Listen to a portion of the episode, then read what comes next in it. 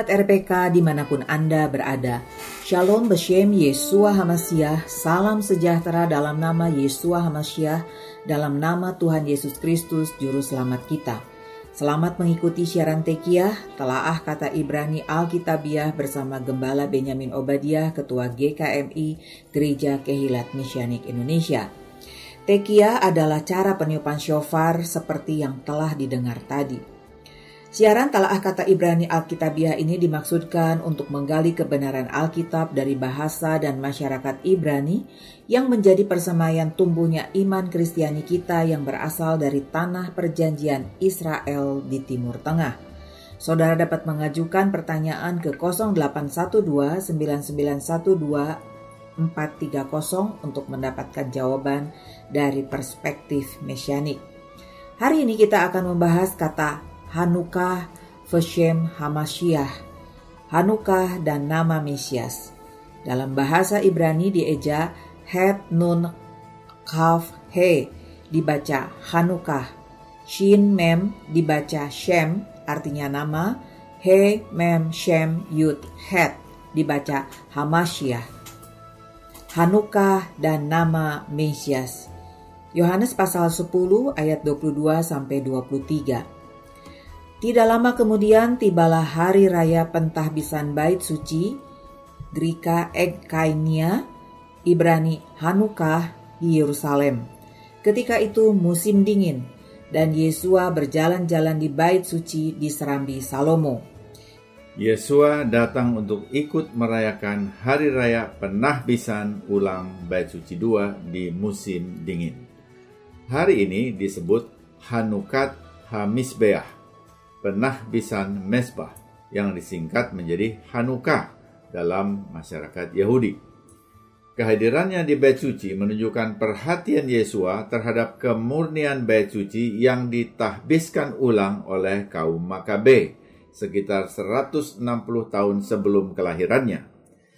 Injil mencatat Yesua merayakan Hanukkah sementara untuk perayaan Christmas, Natal tidak tercatat di dalamnya yang mengindikasikan tidak dikenal dalam komunitas Yahudi abad pertama. Sumber-sumber Yahudi hanya menyimpan sedikit informasi tentang perayaan Hanukkah pada masa Rabi Yeshua. Selama delapan hari Hanukkah, hukum Yahudi melarang puasa dan berkabung. Hanukkah dirayakan dengan penyalaan lampu-lampu kaki dian dengan sembilan lilin yang disebut Hanukiah Keluarga Yahudi menempatkan Hanukiah di depan pintu mereka di samping Mesusah atau di jendela yang menghadap ke jalan setiap malam perayaan. Ajaran Hillel menganjurkan menyalakan satu lilin per malam per rumah tangga. Jadi hari pertama satu lilin meningkat menjadi dua lilin pada hari kedua dan seterusnya meningkat terus sampai hari ke-8. Sebaliknya, Ajaran Syamai menganjurkan untuk memulai perayaan dengan delapan lilin per keluarga dan berkurang satu demi satu setiap malam. Dari Bafli Syabat 21. Yosefus, sejarawan Yahudi abad pertama menceritakan kembali kisah Hanukkah dan menggambarkan penahbisan ulang bait suci dua setelah dicemari oleh penguasa Yunani sebagai berikut. Maka pada tanggal 25 bulan Kislev, kaum Makabe menyalakan lampu yang ada pada menorah dan mempersembahkan dupa di atas mezbah emas dan meletakkan roti di atas meja roti unjukan dan mempersembahkan korban bakaran di atas mezbah baru yang mereka bangun. Dan Yuda merayakan hari raya pemulihan korban-korban di Suci selama delapan hari mereka membuat ketetapan bagi keturunan mereka bahwa semua harus merayakannya guna memperingati pemulihan ibadah di bait suci selama delapan hari. Dan sejak saat itu, kami merayakan perayaan ini dan menyebutnya perayaan terang. Alasannya adalah karena pembebasan yang didapat melebihi harapan itu menyinari kami dan karenanya menjadi nama bagi perayaan ini. Antikitis 12 Sumber-sumber Yahudi tidak meninggalkan catatan tentang bagaimana orang merayakan Hanukkah di Bait Suci. Tetapi orang dapat membayangkan bagaimana para imam menyalakan lampu Sukot yang besar di serambi wanita setiap malam dalam perayaan Hanukkah yang dianggap sebagai perayaan Sukot kedua. Liturgi di sinagoga menetapkan pembacaan Halel pada Mazmur 113 sampai 118 setiap hari. Oleh karenanya orang beranggapan bahwa paduan suara Levi juga mempersembahkan lagu-lagu perayaan gembira di setiap hari selama delapan hari di bait suci. Tentu saja, para imam mempunyai renik perayaan lainnya dan mempersembahkan korban ucapan syukur khusus untuk acara itu. Untuk merayakan Hanukkah, seseorang tidak perlu bersiarah ke Yerusalem. Karena itu, rabi kita pun tidak berkewajiban berada di bait suci untuk merayakan acara ini. Namun, kehadiran sang guru, Rabi Yeshua Hamasya di bait suci dalam perayaan Hanukkah menegaskan perhatiannya atas kekudusan bait suci yang dipulihkan oleh Yehuda Makabe dari pencemaran oleh penguasa Yunani Antiochus Epiphanes. Injil tidak menjelaskan mengapa Yesua memilih untuk meninggalkan Galilea dan pergi ke Bait Suci pada hari raya Hanukkah itu. Dia mungkin menghindari ancaman Herodes Antipas seperti yang tertulis di dalam Lukas 13 ayat 33 atau dia mungkin hanya ingin kembali ke rumah bapaknya sekali lagi sebelum peristiwa yang menimpanya pada hari raya Paskah Yahudi. Tetapi ada alasan lain yang perlu diketengahkan. Ia datang ke bait untuk merayakan Hanukkah karena pada hari raya Hanukkah orang Yahudi mengingat bahwa pemulihan bait suci memerlukan Mesias. Dan Yesua ada di sana untuk memberi kesaksian akan pekerjaan Mesias yang dijanjikan dan diakui sudah dan sedang dilakukannya seperti yang dicatat dalam Yohanes 10 ayat 25 dan 26. Yesua menjawab mereka, Aku telah mengatakannya kepada kamu, tetapi kamu tidak percaya. Pekerjaan-pekerjaan yang kulakukan dalam nama Bapakku, itulah yang memberikan kesaksian tentang aku. Tetapi kamu tidak percaya karena kamu tidak termasuk domba-dombaku. Perhatikan dalam ayat-ayat tersebut, jelas Yesua mengakui kemesiasannya. Namun bukan dengan pernyataan, tetapi dengan menunjuk pekerjaan pelayanan yang sudah dia kerjakan. Orang yang melihat dan menghargai pekerjaannya disebut domba-dombanya. Sedangkan mereka yang tidak percaya disebut bukan domba-dombanya. Tentang asal-usul Hari Raya Hanukkah, di mana tertulisnya di dalam Torah? Perayaan Hanukkah tidak disebut di dalam Torah. Ini dilembagakan oleh para rabi selama periode Bait Suci kedua. Setelah kemenangan Yehuda Makabe atas orang Yunani dan pemurnian serta penahbisan ulang Bait Suci. Penahbisan ulang ini bersama dengan penghapusan dekrit anti-Yahudi yang diberlakukan oleh Raja Antiochus IV dengan gelar Epiphanes yang berasal dari Syria dan yang berujung pada pembebasan total dari pendudukan Yunani. Ini menjadi telah menjadi hari raya Hanukkah sebagai perayaan sepanjang masa. Selama beberapa generasi telah menjadi kebiasaan untuk memperingati peristiwa-peristiwa lainnya yang terjadi di masa Bait Suci II. Tetapi setelah penghancuran Bait Suci II tidak ada satupun yang tersisa kecuali hari raya Hanukkah. Lebih dari sekedar peringatan kemenangan militer, Hanukkah menandai kemenangan semangat umat Israel melawan tekanan proses asimilasi budaya. Selain itu, beberapa keajaiban terjadi pada hari-hari itu, seperti wadah minyak zaitun murni yang berisi minyak untuk lampu satu hari, tetapi dapat menyala selama delapan hari. Oleh karena itu, orang bijak memutuskan bahwa festival ini harus dirayakan oleh setiap generasi yang akan datang, bahkan dengan menambah bahwa hari-hari raya Hanukkah tidak akan pernah dihapuskan. Talmud Yerusalem Ta'anit 2 ayat 2. Dalam penjelasan tadi, Hari Raya Hanukkah dirayakan 8 hari. Apa pentingnya angka 8 hari ini? Di lingkungan orang Yahudi, angka dipahami bukan hanya sebagai jumlah, tetapi juga merujuk pada satu pengertian. Angka 6 misalnya dimaknai sebagai angka manusia karena manusia diciptakan pada hari ke-6.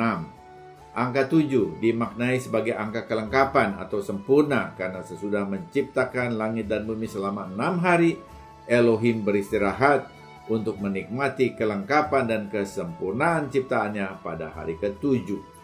Angka delapan dimaknai sebagai angka supranatural, adi kodrati, yang diamati di dalam muadim waktu-waktu yang ditetapkan Tuhan. Hari Raya Pesak dengan berita penebusan dirayakan selama delapan hari. Syafuot atau Pentakosta yaitu hari pemberian Torah di Sinai dan pencurahan Roh Kudus Ruach HaKodes di Yerusalem merupakan hari ke-50 yang dalam perhitungan berkas Omer dihitung sesudah tujuh minggu sehingga perayaan Syafuot atau Pentakosta jatuh pada hitungan sesudah hari ketujuh yaitu hari ke-8. Kemudian Sukot, Pondok Daun dengan berita kerajaan Mesianik damai selama seribu tahun dirayakan delapan hari yang ditutup dengan Semini Aseret. Semua hari raya itu mempunyai dimensi supranatural atau mujizat. Demikian juga dengan angka delapan hari perayaan Hanukkah yang selaras dengan durasi perayaan Sukkot mempunyai dimensi supranatural. Angka delapan adalah angka durasi pentahbisan kemah suci dan bait suci karena itulah Yehuda Makabe memakainya untuk durasi penahbisan ulang bait suci 2 pada musim dingin. Saat ini yang dipakai adalah menorah dengan tujuh cabang. Baru sekitar 500 tahun kemudian, para rabi menyepakati mujizat minyak dan melestarikan kaki dian dengan delapan cabang atau artinya sembilan uh, lilin atau lampu yang disebut Hanukiah. Bagaimana dapat dijelaskan makna supranatural dalam delapan hari perayaan Hanukkah? Hanukkah menandai ada dua mujizat. Mujizat dalam perang dan mujizat minyak zaitun di bait suci. Mujizat secara militer terjadi ketika dengan 400 tentara saja Yuda Makabe dapat mengalahkan pasukan Yunani dengan kekuatan 40 ribu pasukan infanteri ditambah 7 ribu pasukan kavaleri yaitu pasukan berkuda. Mujizat lain terjadi di Bait Suci ketika hendak ditabiskan. Hanya tersedia satu wadah minyak zaitun asli yang kosher, yang murni, yang hanya cukup untuk lampu satu hari saja. Namun Yuda Makabe tidak mau membuang waktu. Penyembahan kepada Adonai Elohim tidak boleh ditunda. Ia tetap melakukan penahbisan bait suci pada tanggal 25 Kislev sebagai ungkapan iman. Dan luar biasa, sungguh ajaib, lampu menorah yang hanya cukup untuk satu hari tetap menyala selama delapan hari. Tuhan melihat iman dan menganugerahkan mujizat. Sementara itu, minyak zaitun hasil perasaan baru yang kosher pun sudah tersedia untuk digunakan selanjutnya pada hari ke-9 dan seterusnya. Bagaimana mujizat Hanukkah dikaitkan dengan Mesias Yesua?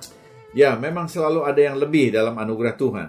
Perayaan Hanukkah selama 8 hari dapat dikaitkan dengan nama-nama Mesias yang dinubuatkan oleh Nabi di dalam Yesaya 9 ayat 5 dan 6.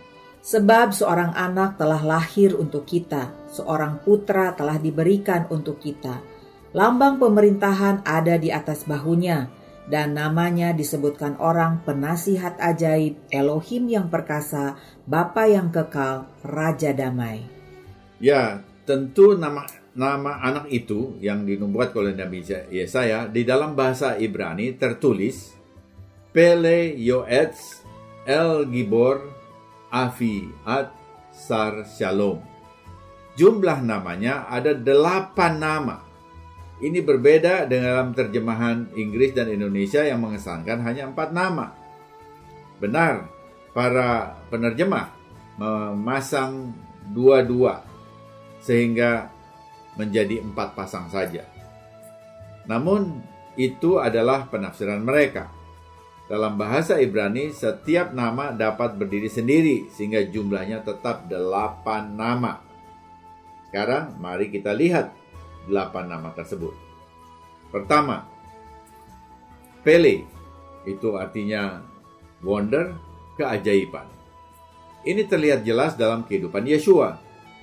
Kelahirannya adalah keajaiban. Dalam hidupnya ia membuat banyak keajaiban, mujizat. Kematiannya bagi penghapusan dosa adalah keajaiban dan tentu saja kebangkitannya adalah keajaiban. Injil Matius 15 ayat 31 mencatat maka takjublah orang banyak itu melihat orang bisu berkata-kata, orang timpang sembuh, orang lumpuh berjalan, orang buta melihat, dan mereka memuliakan Elohim Israel. Ya, saudara perhatikan bahwa setelah melihat mujizat, keajaiban yang dilakukan oleh Yesus Hamasiah, semua orang yang melihat itu memuliakan Elohim Israel. Bukan eh, bahkan menjadi orang yang menyembah berhala. Ya, jauh. Mereka justru memuliakan Elohim Israel, menunjukkan bahwa Yeshua berasal dari Elohim Israel. Yang kedua, Yoetz, penasehat atau counselor. Yeshua adalah sahabat dan penolong bagi umatnya. Tidak ada yang lebih hebat daripadanya. Dia mengetahui setiap pergumulan dan pencobaan kita karena ia sudah mengalaminya tanpa jatuh ke dalam dosa. Sebelum ia naik ke surga, ia meminta Bapa memberi penolong lain menggantikannya, yaitu Roh Kudus. Yohanes 14 ayat 16 Aku akan minta kepada Bapa dan ia akan memberikan kepadamu penolong yang lain supaya ia menyertai kamu selama-lamanya. Ketiga, L artinya Tuhan. Yesaya 7 ayat 14 Sebab itu Tuhan sendirilah yang akan memberikan kepadamu suatu pertanda. Sesungguhnya, seorang perempuan muda mengandung dan akan melahirkan seorang anak laki-laki, dan ia akan menamakan Immanuel. Immanuel berarti Elohim menyertai kita. Nubuat ini digenapi saat Yesus lahir seperti yang tertulis dalam Injil Matius 1 ayat 23. Sesungguhnya anak darah itu akan mengandung dan melahirkan seorang anak laki-laki dan mereka akan menamakan dia Immanuel yang berarti Elohim menyertai kita. Bahkan sesudah kebangkitannya, murid yang sebelumnya tidak percaya akan kebangkitannya yaitu Thomas bahkan kemudian dia mengakui aspek keilahiannya dengan berkata Adoni ve Elohai yang artinya ya junjunganku dan Tuhanku. Yohanes 20 ayat 28. Keempat, Gibor, kuat, perkasa. Ini juga bicara tentang uh, Mesias. Kitab suci menggambarkan keperkasaan Tuhan dengan ungkapan tangan kanan Tuhan seperti yang tertulis di dalam Mazmur 89 ayat 14. Punyamulah lengan yang perkasa, kuat tanganmu dan tinggi tangan kananmu. Keperkasaan Tuhan itu dikiaskan sebagai tangan kananmu. Ternyata merujuk kepada Yesua yang berdiri di sebelah kanan Elohim seperti yang disaksikan oleh Stefanus dalam kisah Rasul 7 ayat 56. Lalu katanya, Sungguh, aku melihat langit terbuka dan anak manusia berdiri di sebelah kanan Elohim. Amin. Yang keenam, Ad artinya kekal. Daniel melihat dari awan-awan di langit datang seorang seperti anak manusia yang kepadanya diberikan kekuasaan sebagai raja dan kekuasaannya kekal seperti yang tertulis dalam Daniel 7 ayat 13 dan 14. Lalu diberikan kepadanya kekuasaan dan kemuliaan dan kekuasaan sebagai raja. Maka orang-orang dari segala bangsa, suku bangsa dan bahasa mengabdi kepadanya Kekuasaannya ialah kekuasaan yang kekal, yang tidak akan lenyap, dan kerajaannya ialah kerajaan yang tidak akan musnah. Ini merujuk kepada Yesua pada kedatangannya yang kedua, seperti yang diakuinya sendiri dalam Matius 24 ayat 30. Pada waktu itu akan tampak tanda anak manusia di langit, dan semua bangsa di bumi akan meratap, dan mereka akan melihat anak manusia itu datang di atas awan-awan di langit dengan segala kekuasaan dan kemuliaannya. Ketujuh, Sar, Pangeran. Pangeran merupakan gelar keluarga kerajaan. Gelar ini menunjuk kepada Mesias pada posisi sebagai anak raja, seperti yang tertulis di dalam Mazmur 2 ayat 7. Aku mau menceritakan tentang ketetapan Adonai. Ia berkata kepadaku, Anakku engkau, engkau telah kuperanakan pada hari ini. Dalam mahsor atau liturgi Rosh Hashanah yang dipakai orang Yahudi sampai sekarang, terdapat sebutan Sar Hapanim atau Pangeran Wajah tokoh rohani yang disebut Yeshua yang membawa doa kita sampai ke tahta Bapa Surgawi. Kedelapan, Shalom, damai.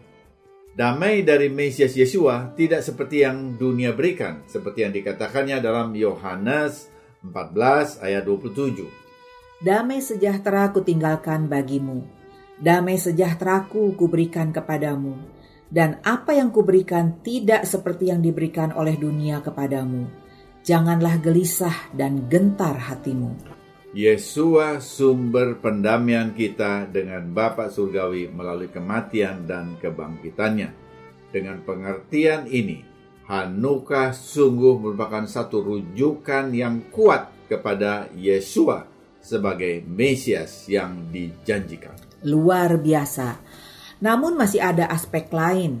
Simbol Hanukkah menggunakan kaki Dian dengan sembilan lilin, termasuk yang tengah. Mengapa demikian? Kaki Dian dengan sembilan lampu atau lilin disebut Hanukiah, khusus untuk perayaan Hanukkah.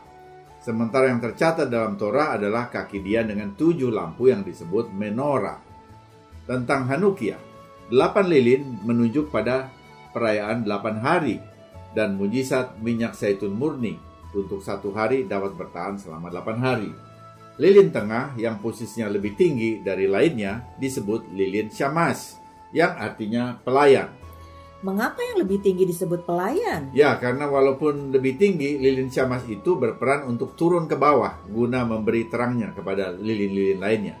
Ini menunjukkan bahwa Yesua, sang terang dunia, mengosongkan dirinya turun ke dunia, memberikan hidupnya bagi murid-muridnya, termasuk kita semua, agar kita pun sama seperti dia, dapat menerangi dunia yang gelap ini. Lilin Syamah juga mengingatkan ajaran Yesus tentang pemimpin dalam Yahu atau uh, Matius 20 ayat 26 sampai 28. Barang siapa ingin menjadi besar di antara kamu, hendaklah ia menjadi pelayan, dan barang siapa ingin menjadi terkemuka di antara kamu, hendaklah ia menjadi hambamu. Sama seperti anak manusia datang bukan untuk dilayani, melainkan untuk melayani dan untuk memberikan nyawanya menjadi tebusan bagi banyak orang. Luar biasa, dari angka delapan dan lilin Hanukia saja sudah banyak pelajaran yang kita dapat. Ya, masih banyak lagi. Hanukkah juga memotivasi kita untuk tetap berjuang karena kebenaran, tanpa harus merasa kecil karena jumlah kita yang sedikit. Pasukan Yuda Makabe yang berjumlah jauh lebih sedikit dari pasukan Yunani justru dapat mengalahkan yang banyak. Yang kecil dapat mengalahkan yang besar. Amin. Tepat, kebenaran ini dituangkan dalam permainan dreidel atau gasing.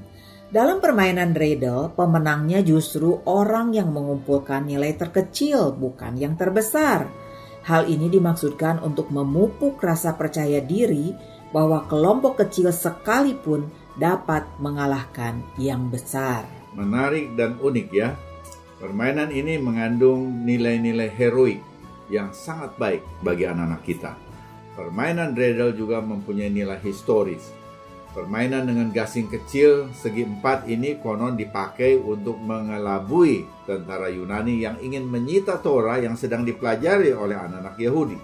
Ketika tentara Yunani datang, Torah cepat disembunyikan dan sebagai gantinya mereka bermain dreidel. Dengan permainan ini, anak-anak Yahudi tetap dapat menyimpan gulungan Torah dan mempelajarinya. Di samping permainan dreidel, Kegembiraan perayaan Hanukkah juga dilengkapi dengan menu spesial yang menggambarkan mujizat minyak zaitun. Karena itu menu spesial yang disantap pada hari raya Hanukkah adalah latkes dan donat yang digoreng dengan minyak. Hmm, asik juga ya. Tunggu saja Hanukkah. Ini tentu akan mengembirakan khususnya anak-anak dan semua kalangan juga. Tetapi apakah perayaan ini dapat dirayakan juga oleh orang percaya bangsa-bangsa? Tentu dapat.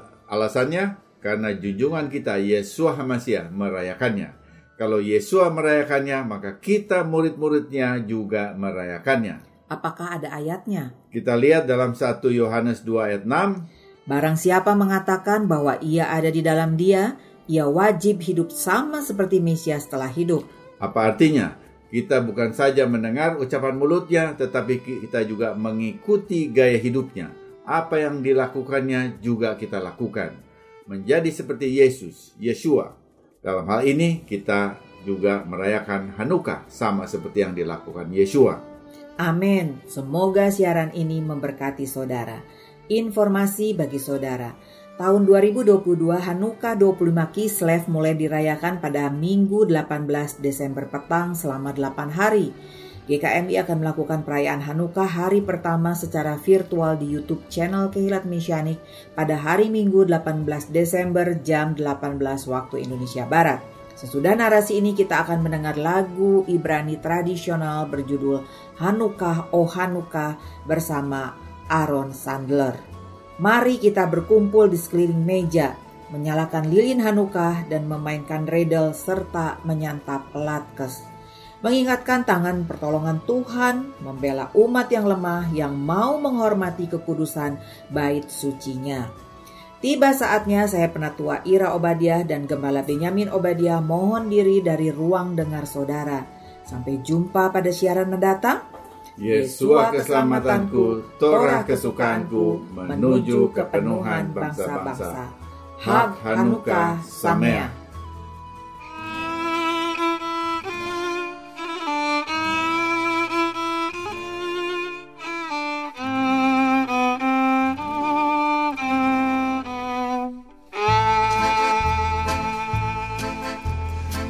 Chanukkai, Chanukkai, Jonte Verscheiner, a lustiger, a freilicher, nicht da noch a Sehner, alle Nacht in Dreidel spielen mir, so die Käse Latkes essen mir, geschwinder sind Kinder, die Chanike Lichter lachon, Lo mir alle singen, lo mir alle springen und lo mir alle tanzen in Korn.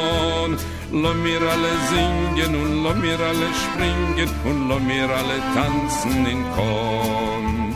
Hanukkah, oh Hanukkah, come light the menorah. Let's have a party, we'll all dance the hora. Gather round the table, we'll give you a treat. Dreidels to play with, latkes to eat. And while we are playing, the candles are burning low. One for each night, they shed a sweet light to remind us of days long ago. One for each night, they shed a sweet light to remind us of days long ago.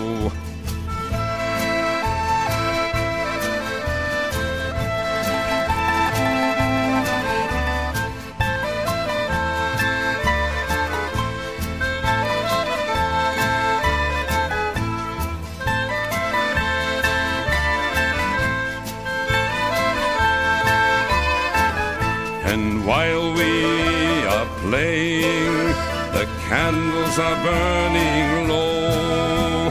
One for each night, they shed a sweet light to remind us of days long ago.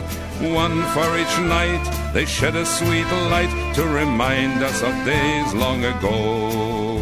ימי החנוכה, חנוכת מקדשנו, בגילו ושמחה ממלאים את ליבנו, לילה ויום סביבוננו יסוב, סופגניות נאכל בם לרוב, העירו, הדליקו, נרות חנוכה רהבים. על הניסים ועל הנפלאות אשר חוללו המכבים.